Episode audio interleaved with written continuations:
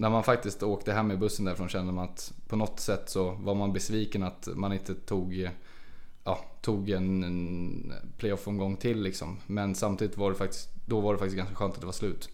För en gångs skull.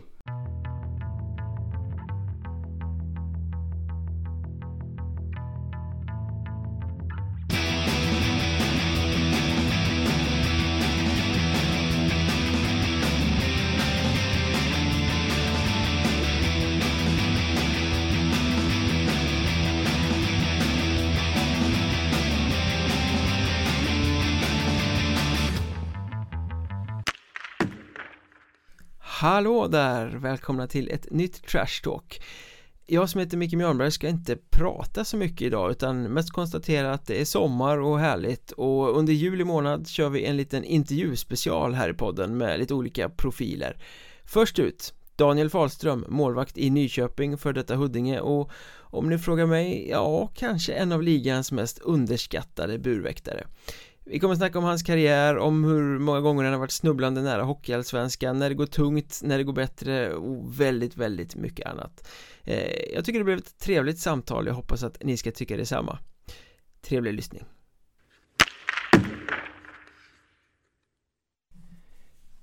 Då har jag hittat hela vägen till Nyköping, Jupitervägen närmare bestämt I trafikkaoset i den här stan. Och eh, här har jag hittat en målvakt. Kanske Hockeyettans mest underskattade målvakt. Vi får se vad han säger själv. Eh, Daniel Fahlström.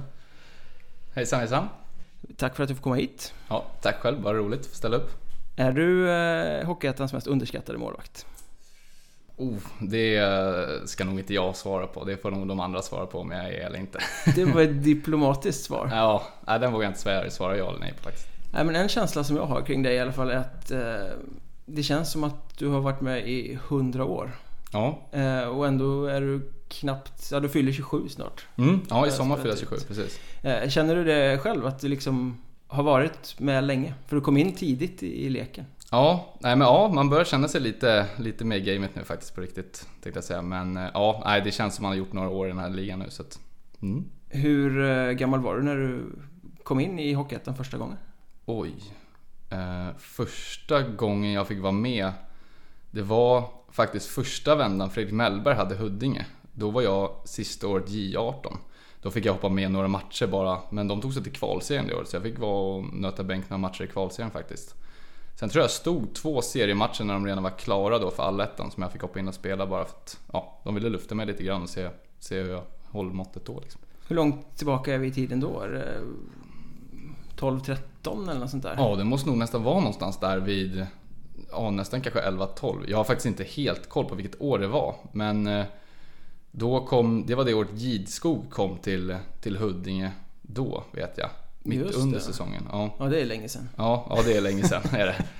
Som sagt, jag var fortfarande J18-spelare då egentligen. Det var på den tiden Huddinge hade ett J20-lag i Superelit var det. Mm.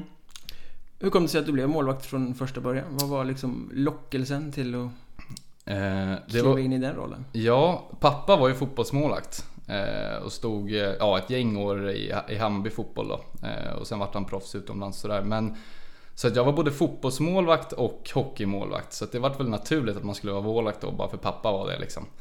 Eh, sen är det ju den här gamla vanliga coolt med, coolt med målvaktsgrejer liksom. Coolt och dyrt, så det, var, det var väl lite det som lockade. Så ja, det var väl på det spåret ungefär. Men det känns ju ändå som att fotbollsmålvakt och hockeymålvakt är ganska väsensskilt. Två helt olika grejer. Ja, jo men det är det. Det är ju helt... Det är som dag och natteteknik och sådär. Men samtidigt så det är väl ändå samma utsatta position som man har liksom. Så att eh, på det psyket är det likt liksom. Eh, men ja, det är ju två helt olika sporter liksom, så är det. Ja, man måste vara lite dum i huvudet för att vilja ställa sig och ha den där pucken på sig. Ja, nej men lite så är det väl. eh, ja, nej men absolut. Men om man sammanfattar din Hockeyettan-karriär, vi ska gå igenom den lite här mm. strax. Så det är två klubbar som sticker ut. Huddinge där du började och sen är det Nyköping där du har varit, vad blir det, fjärde säsongen nu? Ja, precis. Som, fjärde som du går in på. Mm. Eh, du stannar länge i varje klubb. Ja. Det känns som att det finns någon sorts, alltså du gillar att ha någon trygg punkt eller hur ska man? Eh? Ja, eh, sen är jag ju som, som när du alltid ringer och vill höra vad man ska ta vägen så är man alltid öppen för förslag till varje år sådär. Se vad som är bäst och Um, ja, um, ofta så det laget man är i, man kan stan och man är väl kanske lite av en trygghetsmänniska också liksom i, i naturen. Men eh, jag har ju alltid valt det laget som jag tror att det här är det bästa alternativet för mig just nu. Liksom. Och sen så är ju alltid det där eh, när det är försäsong ett, liten, ett litet rävspel. Eh, och lite gambling om man vågar chansa på något lag som kanske inte kan svara än om de vill ha en eller inte. Hur länge ska man vänta? Vilka alternativ finns? Ja, och till sist måste man ju också ta ett beslut liksom, utifrån vad man tror kommer bli bäst. Ehm, ja, och de, de har jag valt att, ja, och, och kanske inte chansa iväg för mycket liksom. Ja men för det, är ju, det finns väl egentligen två typer av spelare Om man tittar på det utifrån. Det finns de som är som du som liksom stannar, ja men det här funkar, då ska det vara något bättre om jag ska röra på mig. Mm. Och så finns det de som byter varje säsong. Ja. Hade eh. du kunnat göra det om du hade velat? Ja, det tror jag att jag hade kunnat gjort. Eh, att kunna byta till varje år hade jag nog, eh, det hade jag nog kunnat gjort. Men sen är det frågan om, man, om, jag, om jag hade tyckt att det hade varit bättre. Vill jag flytta på mig, då vill jag ju veta att det ska vara bra. Liksom. Att det ska vara riktigt bra.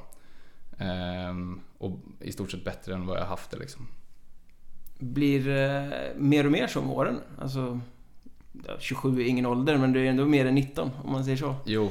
Att den, den trygga punkten blir en viktigare faktor. Så är det ju. Så är det ju. Du har ju bostad, du har jobb sådana där grejer. Ska du börja på ett nytt jobb? Finns det liknande jobb till den nya staden liksom? Eh, sådana där aspekter spelar ju såklart in, gör det ju. Eh, ja, så att man får ju ta beslut utifrån, utifrån vad som passar en helhetsmässigt också. Jag har ju som sagt sambo också, eller kanske jag inte sagt innan men ja. Så, så hon ska vara med på det också liksom. Eh, nu är hon väldigt liksom, eh, med på allting egentligen, så jag hade ju kunnat gjort vad jag ville känns det som. Men eh, ja, man vill ju vara lite schysst där också tillbaks liksom. Ja precis, eller så har du eh, hela tiden efter hockeykarriären att betala tillbaka. Så. Ja, så kan det ju bli också. Så kan det också bli. Men hur låter det när de ringer? Säg eh, säsongen är slut så i april börjar telefonen ringa. Är det liksom, här har du budet? Eller är det, skulle du eventuellt kunna tänka dig att komma om det faller sig si så här? Ja, mycket det sista. Eh, många som visar intressen liksom. Så, ah, hur ser du på säsongen? Bla, kan du tänka dig röra på det? Så, så man vet ju liksom inte. Man bara, ah, men Jo, absolut det kan jag. Det beror på vad ni, vad ni har att erbjuda och hur ett lag kommer bli. Och ska ni satsa, ska ni inte satsa? Liksom, då får ni komma med lite mer raka puck istället för att bara kolla hur jag känner. Liksom. Så kan det ju vara också. Mm. Vissa har ju bara skickat iväg ett kontraktförslag som man får sagt bu eller bä, liksom så här, ja eller nej typ. Men eh, de flesta är ju så att de vill ringa och då, då förstår man också att, att jag kanske inte är den enda de ringer till. Utan de kanske har, det är inte så att de chansar på en och, och låter tveksamma liksom, utan då har de ju säkert flera andra på tapeten också. Mm. Sånt har man ju fått lära sig också liksom. Allsvenskt intresse betyder inte att det finns en chans att komma hit. Nej, det är väl mest att de har pillat av lägret och skulle du vara intresserad att kunna flytta hit liksom. Så kan det vara mycket. Och sen så mycket hör de ju av sig till agenten också liksom. Så får man reda på det via han och då kan det inte, behöver det inte alltid stämma precis vad de har sagt heller liksom. Det blir lite sminkat. Ja, det kan bli så. Men nu är du i Nyköping, du är mm. klar för fjärde raka säsongen. Ja. Eh, de två senaste i alla fall så har du varit eh, uttalad etta, mm. får man väl säga. Och jag antar att det blir så till vintern igen. Ja, man vet aldrig men jag Det är det som är planen. Ja, exakt. Men innan det så blev du ju nästan känd för att spela mindre än vad du presterade för. Spelade hela tiden bra men var ändå hela tiden i delad, eh, mm. delat målvaktskap. Ja. Sådär. Hur är känslan som målvakt när man tänker på det? Delat kontra supertydlig etta? Vad... Ja, det är alltså... Du har ju mycket mer press på dig när du kör delad. Du vet ju liksom att fan, skulle du göra någonting så under matchen, då vet du att ja, nu kommer jag nog troligtvis inte spela nästa match. Sen så får under stunden sätta får man ju koppla bort det liksom. Men någonstans i bakhuvudet så vet du ju ändå om det liksom. Eh, sen är ju alla olika som personer. Vissa blir ju triggade av det där eh, och vissa liksom kan inte tackla det där riktigt. Jag tyckte att jag lärde mig tackla det ganska bra liksom. Eh, för jag tyckte väl att jag ändå levererade ganska bra eh, under de tiderna när jag var liksom, när vi hade, gick, man gick på ett målvaktspar liksom. Eh, vilket många liksom, bättre lag och SHL-lag och sånt där gör också. Eh, Medan vissa väljer att ha en första, tydlig första och en ja, tydlig andra. Då. Um, så det är nog lite olika från målvakt till målvakt. Generellt så tycker jag det är skönare såklart att vara den som är um, uttalad och, och, och förväntar sig vara första målvakt. Liksom. Såklart, det tror jag att alla hade svarat på. Men, ja, ja, eh, man vill, håller man på med idrott vill man vara bäst. Ja, det, det så är det ju. självklart. Och man vill ju känna den här tryggheten liksom. Ehm, men eh, det, det är ju sport liksom. Det är ju idrott och det är ju den som ska presteras bäst ska ju spela liksom. Så är det ju. Men sen har du väl också den här att du kan känna att du kan göra ett misstag utan att bli hängd. Ja, Om men, du är en etta. ja men precis. Det är ju den lilla tryggheten och oftast när man mår bra och känner sig trygg då presterar man oftast bättre. Ehm, sen så fungerar som sagt alla olika och vissa blir ju sparade av att ha konkurrens och vissa vill, vill vara trygga i, i att det spelar ingen roll om, om jag skulle göra ett misstag liksom. Då kan man ju spela mer avslappnat, kanske våga gå ut mer bakom mål, sådana där grejer liksom i, i spelet liksom. Ehm, och veta att skulle det ske ett, ett misstag så, så, så kommer jag få, troligtvis få chansen igen och få liksom visa att eh, ja, det där var bara en engångsgrej liksom. Det finns väldigt många förståsigpåare vid sidan av när det gäller just målvakter. Mm. Det ska vara ett jämnbra målvaktspar. Det ska Ja. vara en uttalad detta. Hur störs man av det som målvakt? Allt det här tugget som blir runt omkring. Nja, nej det skulle jag väl inte säga så. Eh, tänker du på läktarexperter eller tänker Ja, du på... lite så. Ja, både och. Ja. Läktarexperter, journalister, fans. Alltså det, det finns ju... Ja, Alla har ju sin åsikt i, Exakt. frågan. Och ingen vet riktigt vad som händer i omklädningsrummet. Nej, nej precis. Eh, men, men jag tror att det där är mer att folk tror att det är mer skrivet än vad det egentligen är. Det är inte så att en, en coach går ut och säger till laget så här, ja men eh, nu, han är vår, han ska spela alla matcher. Utan så kan man ju inte riktigt göra. Sen kanske det har skett i samtal med, med som person att ja, men du är min första målvakt. Liksom. Du, du ska känna trygghet i det och liksom så. Och så, den bekräftelsen är alltid skön att få. Den fick jag ju mycket nu med Lennie Eriksson som var som var coach liksom. Eh, han var duktig på att och prata med en och sådär liksom. Så, Han var tydlig liksom att det är dig vi lutar oss mot. ja. Sen får det ju inte bli för mycket också. Ibland så var det ju nästan så att det, de kunde, i varje fall det, för två år sedan var det typ så här, ja du får inte bli skadad eller sjuk liksom. men, men eh, sen så, ja, då var ju det ett lite speciellt år med Corona och allt vad det var. Sen så tycker jag att eh, Wagner, han lyfte sig också förra året och, och fick spela några fler matcher och sådär och gjorde det bra liksom. Så att eh, det kan vara ganska skönt att luta sig mot också lite ibland att det att även om, det, om du skulle faktiskt eh, ja, bli sjuk eller ha en kortare skada. Nu har jag varit ganska befriad från det, peppa peppa ta i trä. Men så vet man att det inte är helt kört för laget liksom. Mm. Du spelar ganska många säsonger under eh, Fredrik Mellberg. Mm. Både i Huddinge och i Nyköping. Ja, Eh, Du får rätta mig om jag har fel här, men det går någon sorts skröna om att när han coachar så får målvakten inte veta förrän på matchdagen vem som ska stå. ja, nej det stämmer. I varje fall under den tiden han hade mig så, eh, så fick vi typ reda på det knappt två timmar innan ska jag säga. Hur är det som målvakt? Eh, Jag gillade det inte och jag försökte ta det med honom hur många gånger som helst. Men han, var, han är ju så himla envis av sig så han sa nej, så här är det liksom. Jag, jag eh, ville hålla på det. Och hans eh, anledning till att han ville göra det sa han att det var för att han ville att båda månaderna skulle vara redo. Eh, men jag tror inte det handlar om det. Jag tror att han ville köpa sig tid på att välja bara.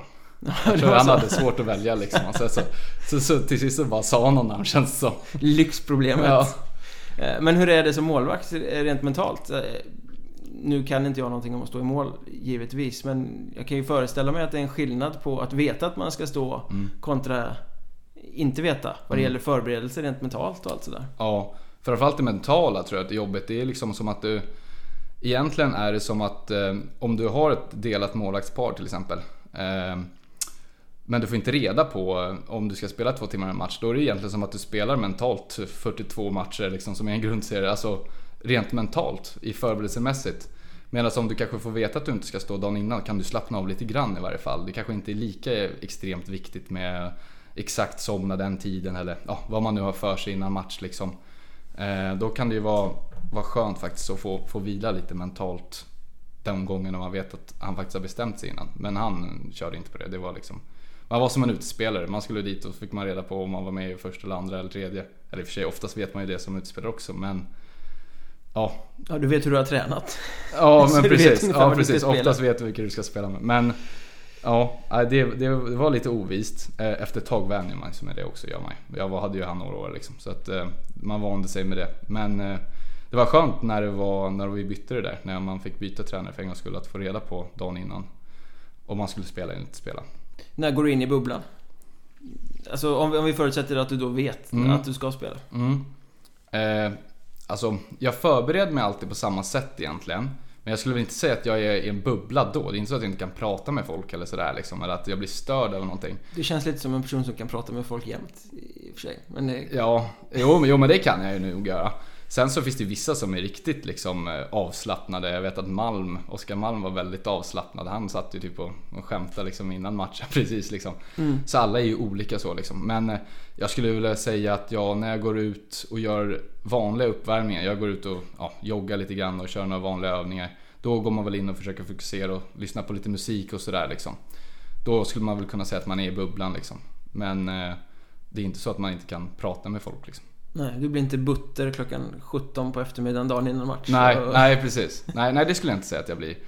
Eh, sen så kanske man har sina rutiner som sagt. Eh, man vill ja, lägga sig hyfsat tid och käka bra liksom. Men det är väl inte mer än någon annan idrottsman tänker man ju liksom. Så att, Ja, målvakter brukar ju säga ha lite grejer för sig. mm. Har du något sånt liksom att...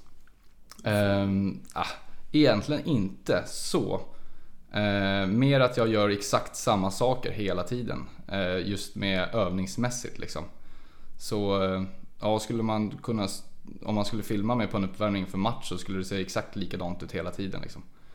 Eh, men det, så tror jag att det är, så är det för många liksom. Ja. Gäller det även vanliga livet? Eller är det strikt på hockeyplan? Just med att man gör vanliga saker. Ja, men att du är liksom... Ja, nej, men jag är väl ganska punktlig så att jag, jag har mina rutiner på morgonen. Man käkar sina tre ägg och lite kvarg liksom och sådär. Men det är ju mest för att det är enkelt. för att man någonstans liksom så vet vad man ska köpa i affären och sådär. Ja. Ja. Eh, nej men jag tror att det är bra för människan att ha lite rutiner liksom. Och, och ja, ha någonting åt eh, något form av schema hur man går efter liksom. Mm. Hur, ofta, hur tidigt är du på hallen innan en träning till exempel? Eh, vi brukar träna klockan fem. Eller vi har gjort det här i Nyköping i varje fall. Då brukar jag väl, jag slutar tre på jobbet så jag brukar väl komma dit till 20 över tre då. Sen ska man ju köra fys innan och sådär liksom. Försöka hinna få i sig något mellanmål kanske och sådär. Så eh, ja, Ganska klassisk Hockeyettan-tillvaro. ja precis. Men jag tänkte vi ska kika lite på eh, karriären här. Mm. Ehm, och liksom ta avstamp någonstans i Huddinge när du börjar komma in på riktigt. Mm. Jag föreställer mig att det är säsongen 15-16 när du är backup till Tim Sandberg. Mm. Ja, nej, ja, men det skulle jag kunna säga också. Ja, för då säsongen 15-16 backup till Tim Sandberg. Eh, Mm. Sen säsongen är på 16-17 så var du etta i stort sett hela säsongen. Du konkurrerade ut Marcus Du Boye där. Mm. Och sen lagom till att allt ska avgöras så värvar de in Niklas Lundström. Ja. Och så får du stå vid sidan igen. Mm. Eh, säsongen därpå, 17-18, då är du etta hela säsongen. Och sen kommer Rasmus Hedström in och så blir det delat på slutet. Ja, ja men jo.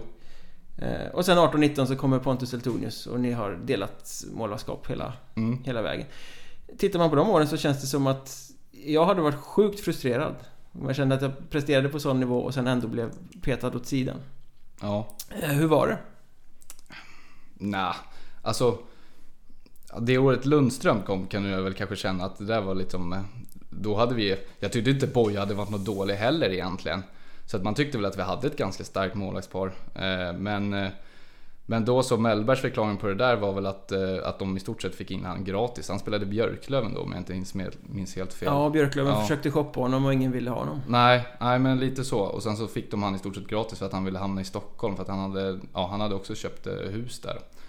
Ehm, så på den vägen fick jag det förklarat till mig i varje fall och sen fick han ju in en, ja, en erfaren målvakt. Han var ju liksom, spelade i Allsvenskan och varit, gjort några SHL-matcher och AHL-matcher tror jag till och med han hade gjort. Ja, jag vet inte exakt hans karriär sådär men man fattar ju han om man får honom gratis men samtidigt så var det ju lite snopet för man tyckte ju själv man var värd den chansen liksom. Du hade spelat 23 matcher, eller du spelade väl någon efter han kom i och för sig. Men totalt i grundserien spelade du 23 matcher och hade 1,58 i, i GA. Mm, Och en räddningsprocent runt 93 ungefär. ja. Eh, Så det måste ju ha varit ja, men någon form av smäll för självförtroendet. Ja, Att ha varit så bra och sen ändå inte få, få chansen. jo, eh, det var det väl. Eh, men hans motivering var väl att, liksom att han ville att... Eh, han, vill, han vill alltid ha de bästa, bästa på pappret hela tiden. Liksom. Och så fick han en till målvakt och tyckte han att konkurrens... Han har ju alltid älskat konkurrens liksom, och Ja, det har ju varit hans signum på Ja. sätt. Så eh, när han kom så fick jag ju fortsatt förtroende lite grann. Eh, han fick sitta på bänken de två första matcherna när vi var på någon sån här norr, norrturné kommer jag ihåg. Vi mötte Kalix och... vilka var det med? Asplöven var det då, innan de hade gått i konkurs. Kan nog stämma. Ja, för jag kommer ihåg, jag höll nollan första fighten där. Eh, Så fick jag stå andra fighten också. Men sen vart det väl att han fick hoppa in då i tredje matchen och så stod han och så stod jag och sen så vart det väl någon match då... ehm, ja, vi förlorade mot Sundsvall kommer jag ihåg. Sen efter det så fick han stå i stort sett hela tiden.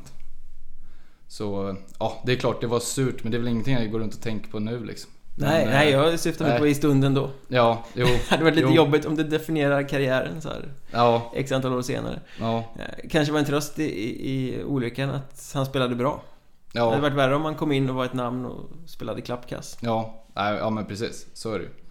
Ehm, Ja, nej men det, så det är klart. Det, det var ju inte jätteroligt och då vart man ju lite less också till vad fan ska man vara kvar liksom när, när, när, när, liksom, när man har gjort det bra och sen så... Men sen så sa de ju då tydligt att ja men eh, vi är beredda i stort sett då till det kommande år där. Du har visat nu att du, du är toppmålvakt på den här nivån liksom att då, då satsade de ju på en lite grann fram tills, eh, ja, till, vi tog oss till kvalserien det året så då förstod jag väl att det kanske var lite skört att bara ha mig liksom. Mm. När de tog in Rasmus Hedström där. Ehm, och så, så delade vi på det lite grann där också. Ehm, ja. Blev det lite déjà vu då? Nej, det skulle jag inte riktigt säga. Då hade man ju spelat 37 matcher, kommer jag ihåg, den grundserien. Jag tror det var tre matcher av 40 som jag inte spelade. Ehm, så då kände man ändå att nu har man gjort en hel liksom, säsong. Ehm, och vi hoppade direkt in i den här allettan-finalen tror jag. Jag tror vi vann eh, allettan det året. Eh, ja, ni spelade i norra allettan här för mig. Ja, ja precis. Och vann den. Ja. Ja, var det det? Eller kanske var södra tror jag faktiskt till och med. Ja, ni vann nor- norra allettan något år. Ja, jag vet att vi vann. Det var nog det året Lundström kom in. Ja, så För var det kanske. kommer jag ihåg att vi åkte hem från eh, Piteå och fick bussa hem. ja, Ja, det finns någon bild på bildbyrån där eh, Rasmus Dahlberg Karlsson har avgjort och åker och ser ut som en fågel. ja, ja, ja, ja. Han ser ut som en liten fågel faktiskt. Alltså någonstans man alltid vetat, det kommer jag ihåg att Melba tog på mig, alltså, ja, vi kommer ju försöka ta in en till målvakt till, till för vi måste ha två liksom bra eh, inför, ja, framförallt inför kvalserien då som vi tog oss till. Eh, för eh, då hade vi egentligen bara mig och en kille som heter Fredrik Mörling hette han, men han var junior var han. Ja, just Så det. han spelade med J20 också, så det var lite så här, de skulle ha slutspel också så att, så att den köpte jag mer liksom, än Mm. när de tog in Lundström faktiskt. Den var liksom så här, ja men den förstod man att nu kommer det komma in någon liksom eh, som eh, ja, är mer erfaren på nivån liksom. Och på mer lika villkor. Ja, jo. Men den, den var inte lika, lika hård faktiskt, var den inte.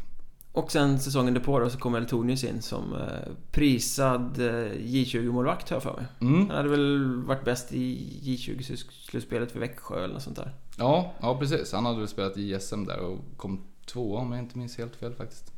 Oklart. Ja, det är lite oklart. jag har inte så bra koll på Nej, jag J20, vet att han var, han var hyllad i alla fall efter Ja. sina insatser där. Mm. Ja, och det blev lite samma sak, då delade ni. Ja, ja men Eh, precis. Hur var den då? Eh, faktiskt säsongen den var ju lite annorlunda. Eh, på det sättet att jag var först, för första gången äldre än den andra målvakten. Det har jag aldrig varit förut. Ja, förutom då med, med han J20-målvakten Mörling där. Men det var ju liksom inte, han hade väl inte riktigt kontrakt så ut. Han var mest med liksom för att vi behövde en till målvakt. Med att var han lära liksom. Ja, exakt. Sen var han en jätteduktig kille också liksom. Eh, men eh, det var ju första gången liksom man fick eh, det utbytet att man ja, försökte dela med, med sig tips och ta emot tips själv och lite sådana där grejer. Eh, Pontus är en jättehärlig kille också liksom, så det var väl inte, inte mer konstigt än så liksom. Hans resa är ganska lik din om man, om man tittar liksom Mm. på säsongerna. För han har också fortsatt i det här Jättebra insatser men ändå delat. Ja. Precis så som det är i Nybro nu också då med, Ja, med Robin. Johansson. Ja, han har ju konkurrens om något om man säger så.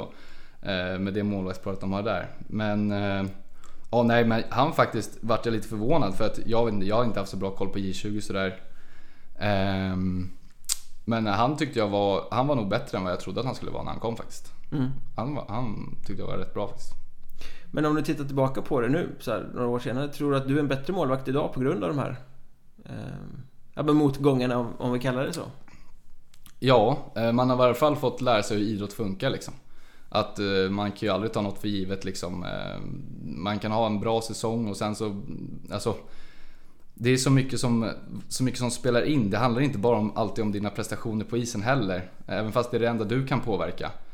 Eh, det har man ju framförallt fått lära sig att det handlar mycket om vilken är den andra målvakten, hur ser tränaren på det? Ska det vara en etta eller ska det vara delat? Ska det vara... Eh, och ja, man kanske ångrar sig lite att man inte lämnade Huddinge lite tidigare. Eh, med tanke på att Mellberg var så att han alltid ville ha ett målvaktspar. Det tog ju bort eh, den här eh, att man inte kanske fick de rubrikerna som man kanske förtjänade lite grann så här. För det stod ju alltid om målvaktsparet hela tiden liksom. Mm. Att, ja, att det var det som var bra liksom. Och inte själva målvakten. Eh, ja, så det är väl lite så man kan känna.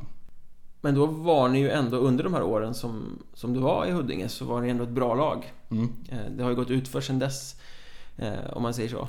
Eh, Men det måste ju ändå ha varit byggande på något sätt, tänker jag. Att spela i ett lag som man vet kommer gå långt, som man kommer få... Även om man inte förstår så får man vara med i de här Mm. tuffa matcherna. Var det en morot till att stanna så länge? Ja, nej men det var det ju faktiskt. Och det var likadant som jag sa i början där, att man ville ha någonstans någonting som är bättre. Även fast det var kanske lag då som kunde erbjuda pengar mer liksom, så var det ju aldrig laget bättre än Huddinge. Liksom. Och det var ju en anledning till att man ville vara kvar ändå. Liksom. Eh, sen Mellberg, jag gillar ju honom generellt så. Eh, han är hård, han är ganska rättvis av sig. Eh, man tränar hårt och man lever ju liksom som ett, ja, som ett, eh, i stort sett som om det vore ett allsvenskt lag liksom i träning och eh, seriositet och sådär. Ehm, men eh, ja, det var ju det som lockade att Huddinge var Huddinge då liksom. Att det alltid var bra. Sen fick man ju vara med tidigt då och liksom vara backup och, och ja, som sagt jag var ju med i första kvalserien när jag var 17 liksom. Eh, och fick ta erfarenhet av det. Ehm, och sen har man ju fått stå bakom rätt erfarna målvakter. Alltså Kristoffer Bengtsberg, Tim Sandberg, Alexander Hamberg, Mm. ja, Niklas Lundström. Ehm, Så det har varit ett gäng rätt bra målvakter som man har fått stå bredvid och lära sig av också. Liksom. Många kakor att plocka russin ur. Ja, ja, ja men precis.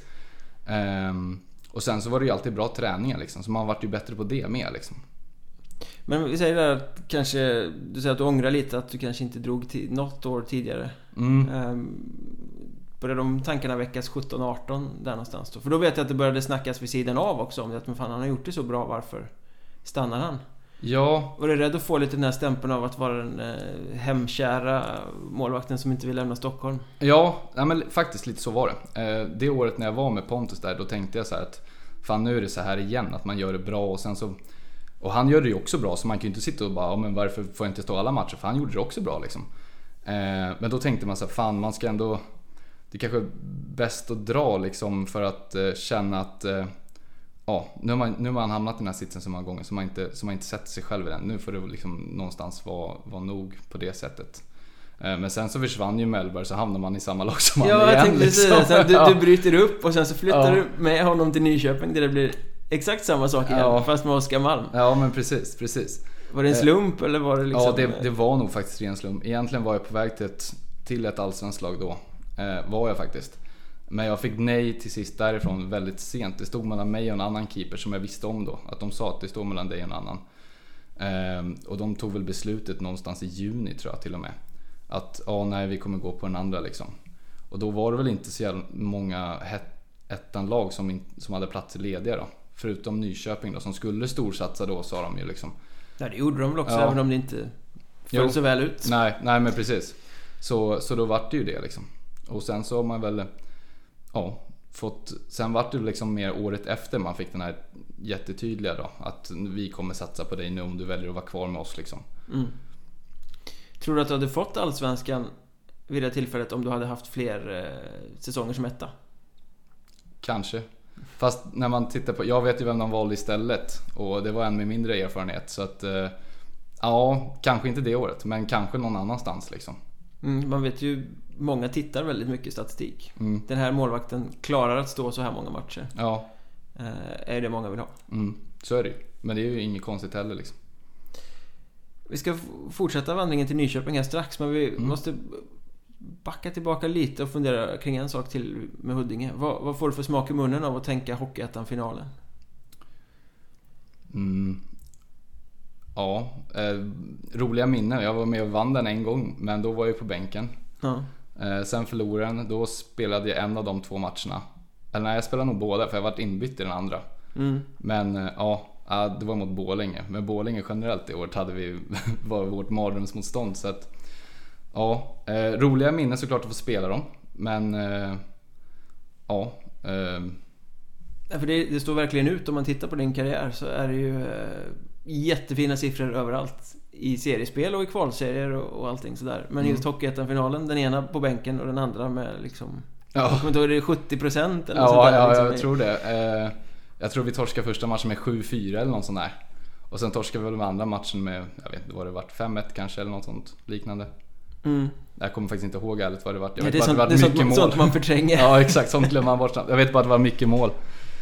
Eh, Eh, ja, men det var en erfarenhet och det var ju kul liksom. Den eh, verkar ju de köra ibland och ibland inte känns det som. De byter ju den Ja, lite. det är lite tombola med Ja. De vill ju tillbaka till ett slutspel har jag förstått. Mm. Så det kanske kommer om, om något år eller så. Ja, ja. Ehm, men just Troja-matcherna där första året vet jag att ni förlorade hemma och sen vann två nere i Ljungby. ja. De eh, glömmer man ju inte bort. Var- hur, hur var känslan, stämningen kring dem? För det skulle vara så himla svårspelat i Ljungby Arena Mm. där och de skulle upp och Ja. de gick väl upp sen också i och för sig den säsongen. Ja, det gjorde de.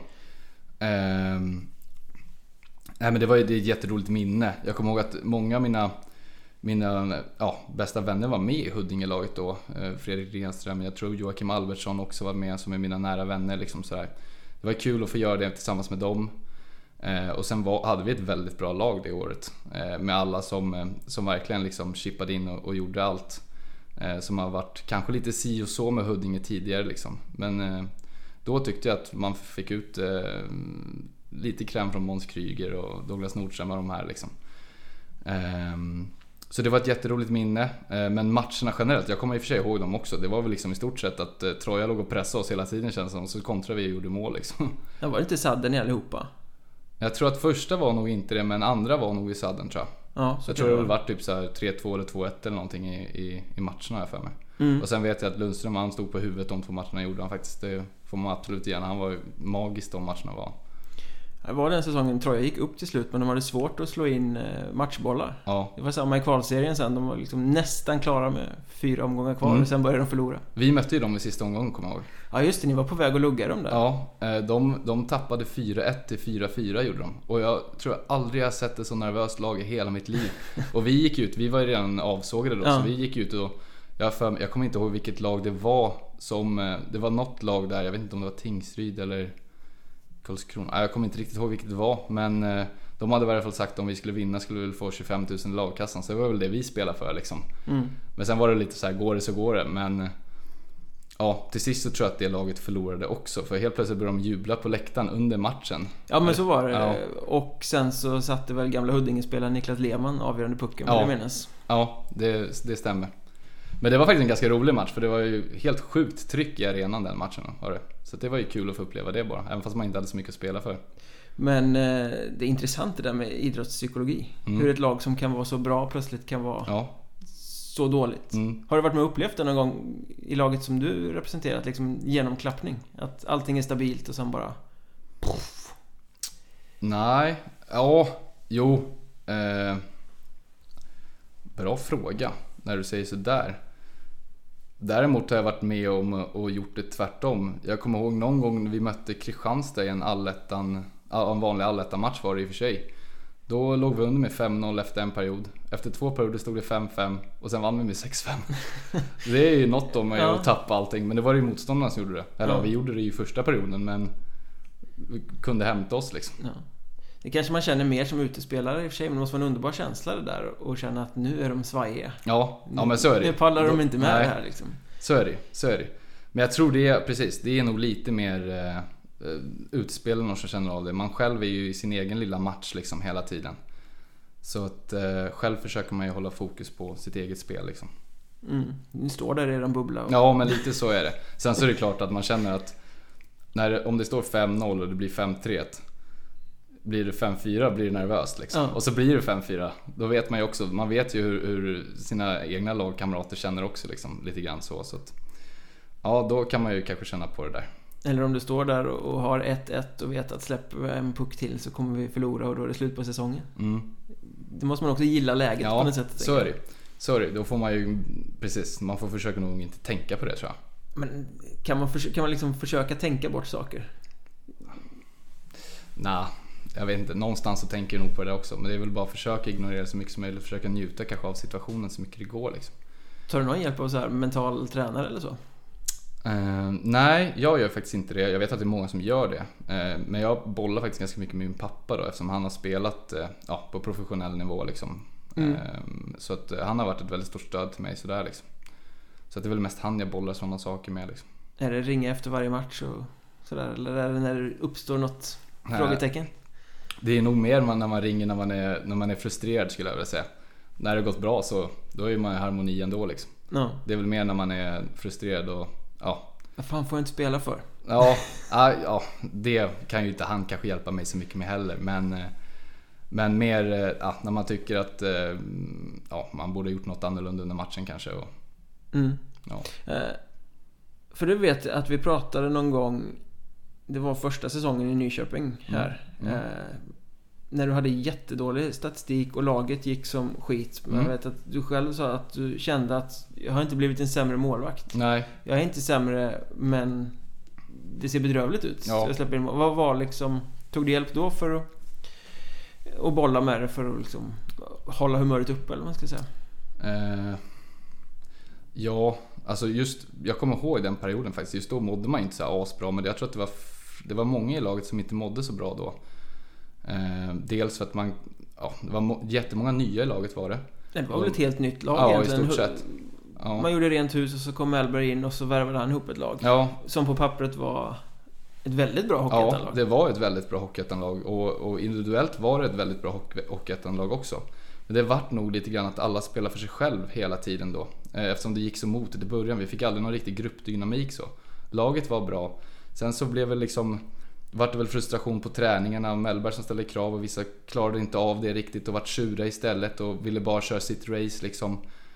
Ehm, ja, så att... ehm, men eh, nej, jag, jag sökte aldrig någon psykolog eller något sånt liksom. Nej men jag tänkte om du bollade mycket mer intensivt med pappa då? I, Ja, nej men det, det gjorde man ju såklart. Han ringde ju liksom och, och det vart ju mer att han tittade på alla matcherna bara för liksom så här, liksom hitta saker och inte just eh, rent målvaktsteknikmässigt utan mer, eh, mer liksom för att bolla saker att ja men försök att inte tänka på det här, försök se, tänk positivt liksom och se möjligheterna från det här istället för att bara liksom gräva ner dig egentligen. Hittade du nyckeln där någon gång till eh, varför det gick som det gick fast att du fortfarande kände att du spelade bra? Det, det hänger ju mycket ihop med laget också, hur, hur laget väljer att agera ute på isen. Det är jättesvårt, att, det är ju bara att titta på om man, om man har kollat lite Allsvenskan nu på Södertälje, hur de var under grundsäsongen. Liksom. Eh, har du dåligt självförtroende och samtidigt som laget spelar väldigt svajigt, då, då blir det ju liksom ingen den här grundstabiliteten och ingen trygghet i... Du är ju liksom nästan lite tveksam med allt du gör liksom. Ja, du tar inte 50-50 pucken. Nej, nej, den där lilla extra, då vet man liksom att det, kommer, det är nästan så att du känner att ah, nej, då kommer det bli mål liksom. Men eh, så det är mycket handlar ju om vilken känsla du går in med hela tiden. Och, och någonstans med erfarenhetsmässigt så lär du dig att ingen match egentligen är den andra lik och, och det handlar om att alltid gå in med liksom ett mindset att allting kan hända och det är idrott men att ändå känna dig lugn med det. Liksom. Att lära sig att... Eh, och det tyckte jag att det, det tog jag lärdom av det året. Jag, fick ju lä- alltså jag lärde mig nog väldigt, väldigt mycket mentalt just den första halv, halvåret där i Nyköping när man var ny. Det var ju som sagt första gången jag bytte lag också. Mm. Så att eh, den omställningen kunde det vara också liksom. Ja, säsongen 1920 pratar vi om nu som är Mm. första. Mm. Ehm, är det jobbigaste säsongen i karriären? Ja, det skulle jag nog säga att det är. Och ändå kanske den största lärdomen där då, som... Ja. Ja, nej men det håller jag med om. Gjorde ni någon haveriutredning sen och kom fram till varför det blev som det blev? Eller var det så att säsongen tog slut och så här, nu glömmer vi det här? Eh, Nästan så ville man känna lite grann att bara, Uff, nu är det äntligen över liksom. Även fast vi tog oss till slutspel det året gjorde vi. Ja, vi ni kom ju in. tuffade igenom vårserien där. Ja, exakt. Och fick möta Nybro i playoff och tog det till 2-1 i matcher gjorde vi till och med. Vi Ja, just det, det var någon sån här riktig pang-pang-historia där Ja. nere. jag tror det var 6-7 eller någonting i den matchen. Ja, nej men precis. Eh, nej, när man kände att när man faktiskt åkte hem i bussen därifrån kände man att på något sätt så var man besviken att man inte tog, ja, tog en, en playoff-omgång till liksom. Men samtidigt var det faktiskt, då var det faktiskt ganska skönt att det var slut. För en gångs skull. Ja. Så har man nog inte känt tidigare men då var det faktiskt, ja nu kan man få börja om igen. Sen så Sen så andra halvan där gick det ju ganska bra liksom, i vårserien och så. Då fick vi ju lite bättre stäm och lite, lite tryggare försvarsspel och sådär. Men då hade ni bytt tränare? Ja, precis. Så, och gick tillbaka lite mer till basic, lite tråkigare? Ja, exakt. exakt. För jag tror att den, den hockeyn som Mellberg ville, ville köra med det laget, det passar nog inte riktigt tror jag. Så att vi gick väl tillbaks mer traditionellt när vi fick in ja, den nya tränaren där. Ehm, och då var det lite lättare att spela som målvakt också. Det tror jag både jag och Malm kände liksom. Ursäkta att jag avbryter mitt i samtalet men jag vill bara uppmärksamma er på att man kan stödja podden via Patreon med några riksdaler i månaden och på det sättet vara en godhjärtad människa som hjälper till så att vi kan göra podden så bra som möjligt. Och som av en händelse får man då lite bonusmaterial också. Och eh, den här veckan så snackar Daniel Fahlström om de bästa och sämsta hallarna i Hockeyettan.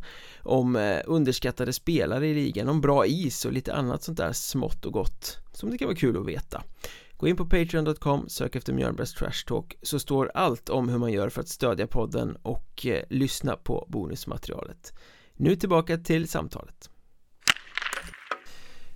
Utifrån, det kanske är svårt för dig att svara på eftersom du var ny i föreningen då Men utifrån när man såg på det här så kändes det så Extremt typiskt Nyköping.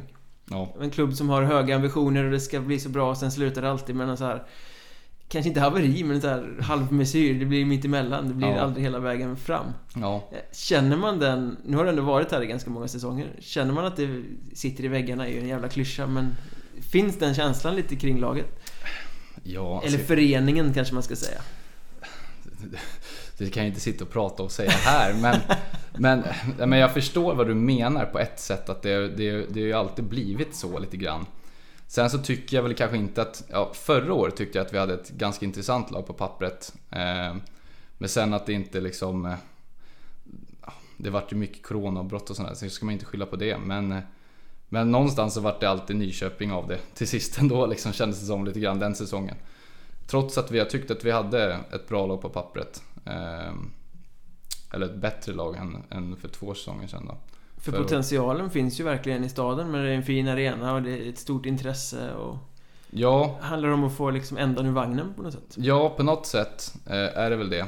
Jag tror att de liksom måste få in... Det var lite synd för det, det året Mellberg skulle ta över var väl lite tanken att de skulle finna ett lite nytt mindset i föreningen, lite, en liten annan träningskultur eh, som han stod för då.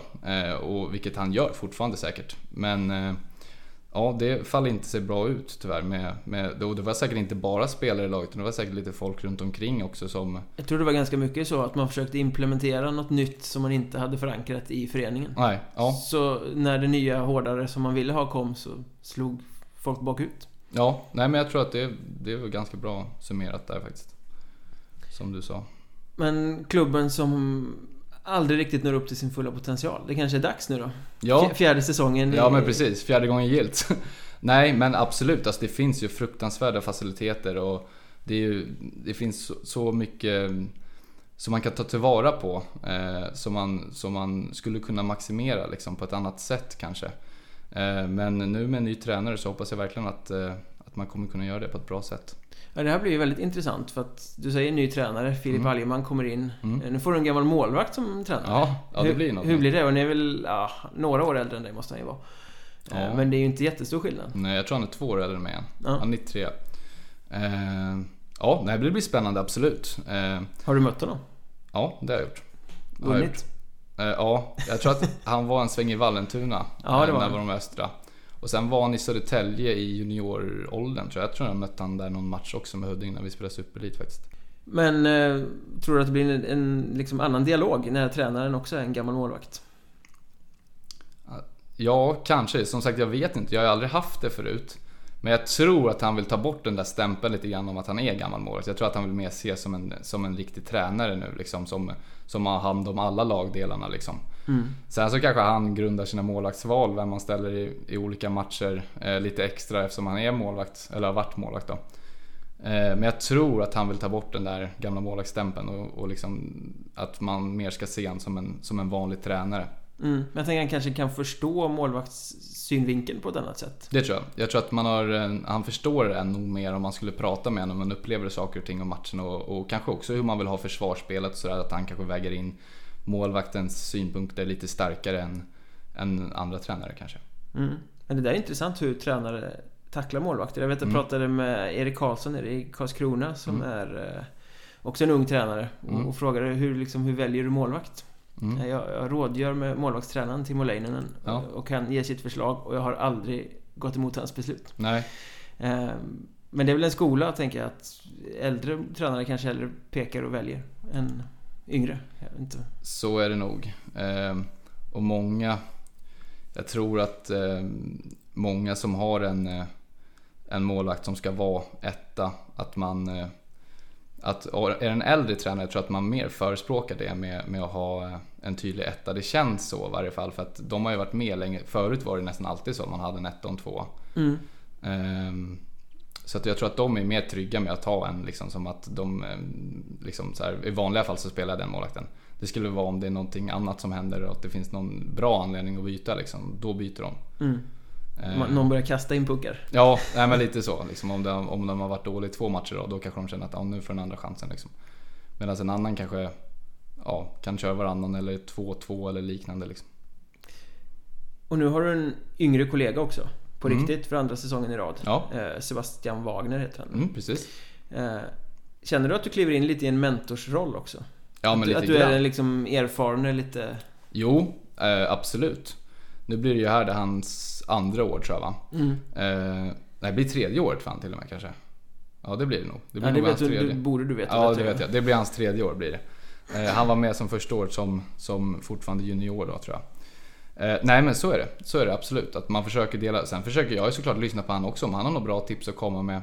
Så jag försöker jag vara lyhörd sådär också. Men, eh, nej, men lite så att man försöker ta en under vingarna lite grann. Och, och dela med sig av råd och tips och hur man kan fundera och hur man kan se på saker och ting. Och, ja, Gör det att du är mer på tå också? Att det blir lite mer spänning i det på något sätt? Eh, jo men så blir det ju. Så blir det absolut. Alltså, man, man är ju aldrig avslappnad. Man vill ju alltid spela och man försöker alltid göra sitt bästa. Liksom. Sen så kan man ju vara polare utanför isen liksom. Eh, och dela med sig av saker och ting. Och, ehm, Men jag menar, du har ju ändå rutinen. Du har ju varit i ligan så pass länge Mm. så det är ju inte... Du behöver inte hetsa upp dig eller tycka att det är världens häftigaste grej att åka till Vallentuna ishall för Nej, 75 gången. nej, nej, nej men precis. Eh, så är det. Så är det. Man är ju inte kanske lika, liksom tycker att wow nu ska jag dit eller sådär. Utan man har varit med, man vet hur det kommer vara liksom. Man vet vad man kan föreställa sig när man kommer, kommer till olika arenor liksom, och, och möter olika typer av lag. Liksom. Så det är väl mer så. Sen pratade vi om eh, statistik här Mm. nyss. Att Mm. den ser rätt bra ut. Eh, Större delen av din karriär i Ja, alla fall. ja. Eh, hur viktig är den? Det är klart den är viktig. Eh, på det sättet att den bygger självförtroende också. Eh, du vet ju hur andra ser på dig om siffrorna ser dåliga ut. Då blir det väl liksom så här att du kanske inte känner den här tryggheten i hur folk ser på dig i laget. Eh, sen ska man väl försöka undvika att tänka så ens överhuvudtaget. Du är ju en egen person liksom. Men, och sen även hur lagen, hur lagen eh, ser på dig. Eh, om du vill vidare i karriären liksom. Det är ju så att tyvärr så går ju många på statistik Mm. eh, innan de kanske börjar kolla på dig. Eh, och har du inte bra statistik kommer de inte ens komma och kolla liksom. Nej men precis, det är väl det som är dilemmat. Ja. Eh, Siffrorna är dåliga så får man inte ens visa upp sig. Nej, nej precis. Så är det ju. Och eh, sen så kan ju statistiken i Hockeyettan vara rätt missvisande. Det vet jag att du har pratat om förut. Ja, det finns ju vissa målvakter som man pratar med ibland som är skogstokiga över Ja. det där att skottstatistiken inte stämmer och Nej. vissa hallar är skit för där lägger de på och vissa Ja. andra hallar är ännu värre för där drar de ifrån och, Ja, och sådär. Hur frustrerande är det? det är faktiskt väldigt frustrerande. Är det. Eh, det är ju som att de skulle ge mål eller assist till någon annan. Liksom. Det är ju ungefär samma sak. Eh, sen vet jag plus minus kan det vara ganska Ja, det är ju- med också. Den är ju bedrövlig. Ja, men eh, som målvakt är väl det ganska frustrerande när man vet att liksom För ibland har man ju som målvaktstränare som, som sköter en skottkarta och sådär också att man ser att det kan ju diffa med men vadå, det är ju 10 skott totalt på hela matchen de har missat eller ja, som sagt kanske ibland om man tur kanske de har lagt på det liksom. Ja men det blir så här, det är en statisk period och så är det 15-7 i skott i hemmalaget. Ja. Det är så här, va? Ja, ja, men, ja men så kan det verkligen vara liksom. Sen som sagt, vissa arenor är bättre än andra på det. Men vet du det när du glider in att här i den här arenan ikväll kommer jag få dålig... Eh, ofta så kan man faktiskt känna så. Eh, att man vet att de här, fan de här är stenhårda. Om, om de ska räkna ett skott så ska den sitta i bröstplattan och du ska fånga den i stort sett och inte bli en retur. Då kanske de drar ett streck i det där protokollet liksom. Men eh, ja, man försöker inte tänka på det heller under match. Liksom. Det kan ju vara olika personer som sitter i det där sekretariatet, man vet ju inte liksom. Man kan aldrig veta egentligen. Nej, du kan inte påverka det. Nej, nej precis. Har du försökt göra det någon gång? Åka och liksom försöka korrigera skottstatistik och berätta för någon att hörru du, så där var det inte. Nej, jag har faktiskt aldrig under match i varje fall försökt påverka. Däremot har man kanske kunnat sagt till lagledaren någon gång när det varit lite halvkast i, i när man spelar på hemmaplan att nu får du för fan säga till dem liksom. De, de gör ju fel varenda match liksom. Men nej, inte mer än så. Men kan det påverka vilket, ett klubbval så här liksom? Nej, jag kan inte skriva på för det här laget för här kommer jag få Nej. sämst statistik. Nej, nej, nej det skulle jag inte säga att det gör. Som du sagt, du vet ju inte. De kanske byter personer och ofta sitter det olika personer i sekretariat hela tiden. Jag tycker det är lite konstigt att man inte har större krav på det där. Att, Det man, kan, att man kan ta liksom någon från juniorlaget som bara lajar och sitter och Mm. spelar dataspel samtidigt Det tycker jag också. räkna. Eller någons mamma som vill att den andra målvakten ska vara bättre eller liksom sådär. Ehm, samma med istid i Allsvenskan, den är också helt hopplös i vissa hallar. Ja, nej men precis. Nej jag håller med. Eh, Det är jättemärkligt att man inte har...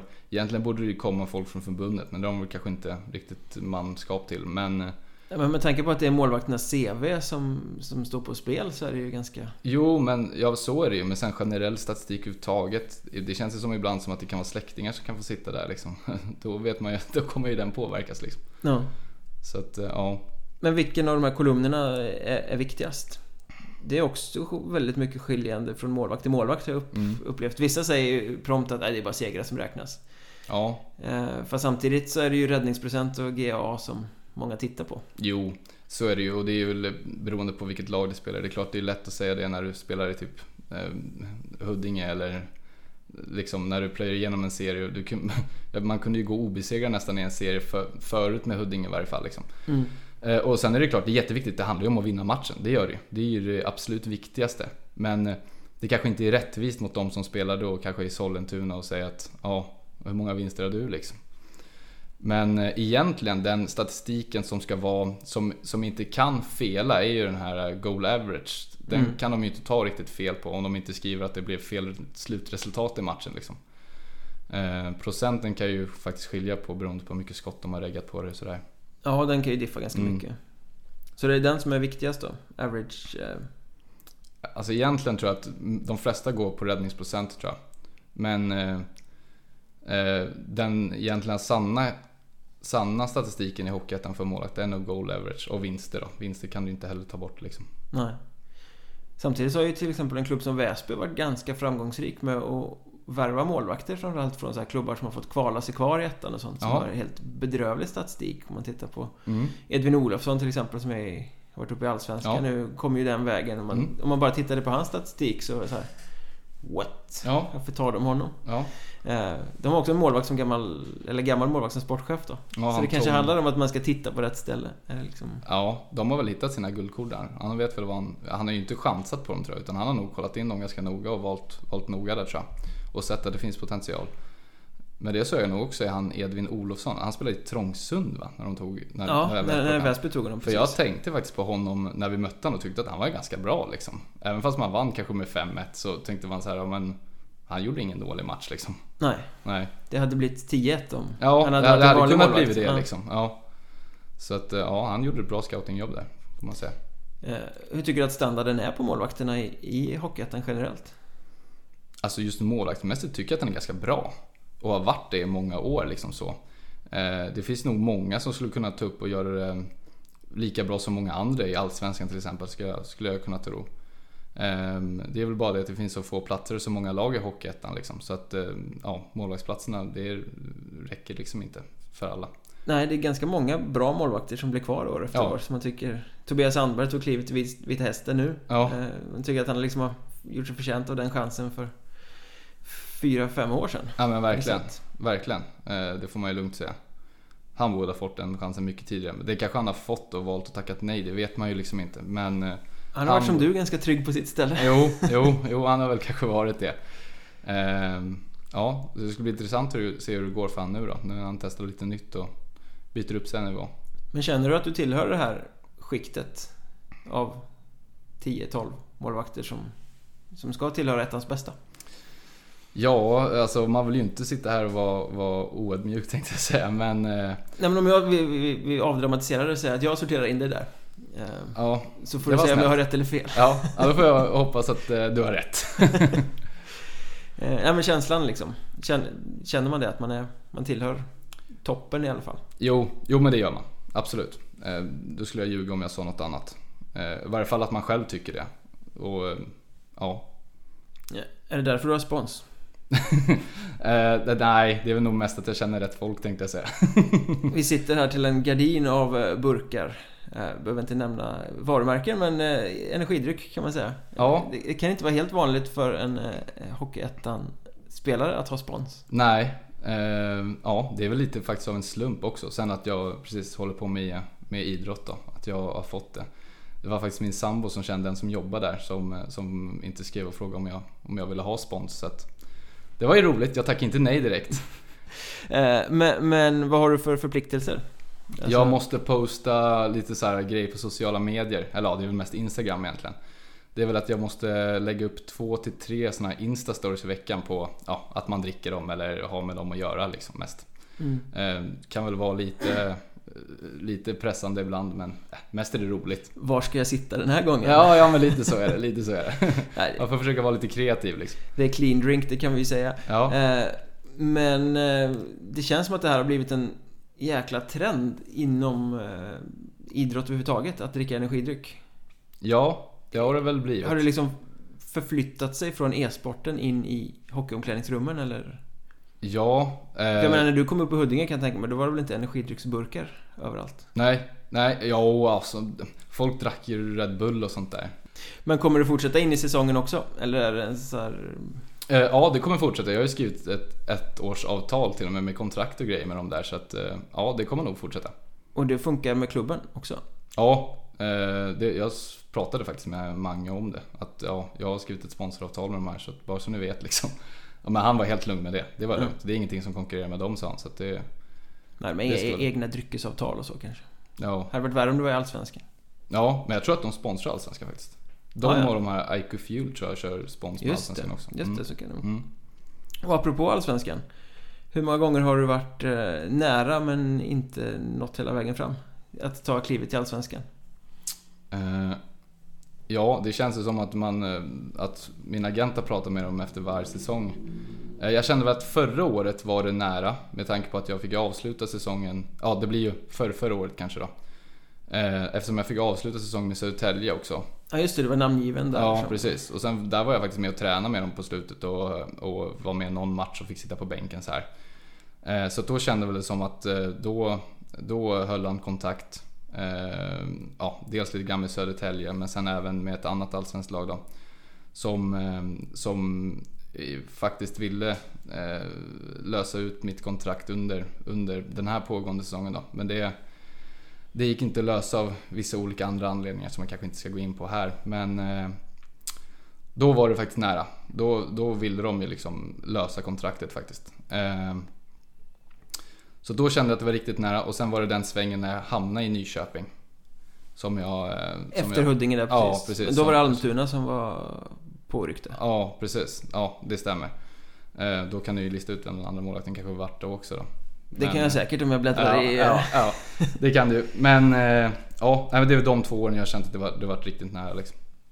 Men hur, hur stor lärdom var det att vara med i Södertälje där då? Det var faktiskt kul. Man har ju liksom inte fått, fått vara med på den nivån förut. Även fast man kanske har mött de lagen eh, när man har spelat i kvalserien och vi har ju mött många allsvenska träningsmatcher och sådär. Eh, så var det en helt annan sak att faktiskt eh, få vara med i ett sånt lag. Och Södertälje som är väl en ganska anrik förening liksom.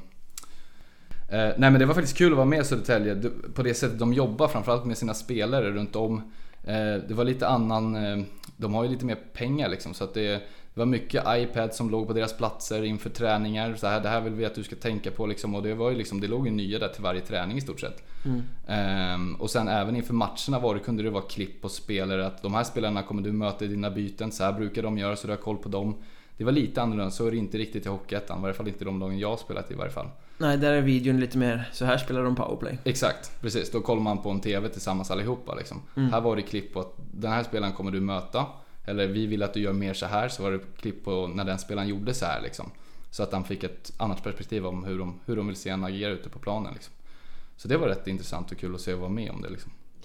Skapar eh, gnistan av att vilja ta sig dit. Ja, nej men lite så var det faktiskt. Att man, fan det här vill man ju liksom ha som heltidsjobb liksom. Hur länge ser du dig eh, fortsätta i Hockeyettan om steget till Allsvenskan aldrig blir av, så att säga? Mm. Men nu har du varit nära många gånger och det känns ju som att du står och knackar på dörren. Hur lång uthållighet har du? Ja, alltså precis. Jag skulle dra gränsen kanske vid 29-30 där någon gång. Då känner man att nu, nu blir det kanske svårt och om man skulle få chansen så då finns det inte så mycket av karriären kvar kanske. Samtidigt som målvakt kan man ju spela lite, lite längre känns det som. En, en utspelare brukar väl kanske ta lite mer stryk fysiskt än vad en målvakt gör. Eh, Men därför är jag nog ändå dra gränsen. Oftast kommer det andra grejer in. Jobb och familj och sådana här grejer liksom. Som, eh, man får helt enkelt se hur situationen ser ut då, tänker jag. Men så länge jag tycker det är kul så vill jag ju fortsätta liksom. Är du lite sugen på att kanske dra utomlands? Och, och de här sista åren innan du blir 30 liksom Få känna på något annat? Något Ja. där äventyrligt? Jo, nej men det hade varit roligt att testa på det också faktiskt. Eh, nu vart man ju lite så här. först så tänkte man, var jag faktiskt lite öppen för det. Ehm, men sen kom ju Corona, då vart man ju såhär, nah, nej, eh, inte nu kanske. Åka någonstans och sitta Nej, i karantän Precis, mellan matcherna? det är väl det- kanske ingen jätteupplevelse att åka till ett annat land. Sen får man bara vara i lägenheten eller i ishallen liksom. Ehm, men absolut, det hade jag kunnat vara öppen för att testa. Det är absolut. Så det blir Hockeyettan med Nyköping säsongen 21-22, sen får vi se. ja precis, sen får vi se. Vi tar ett år i taget. Det låter som ett fint slutord. Mm. Kul att du ville vara med. Ja men tack för att jag fick vara med.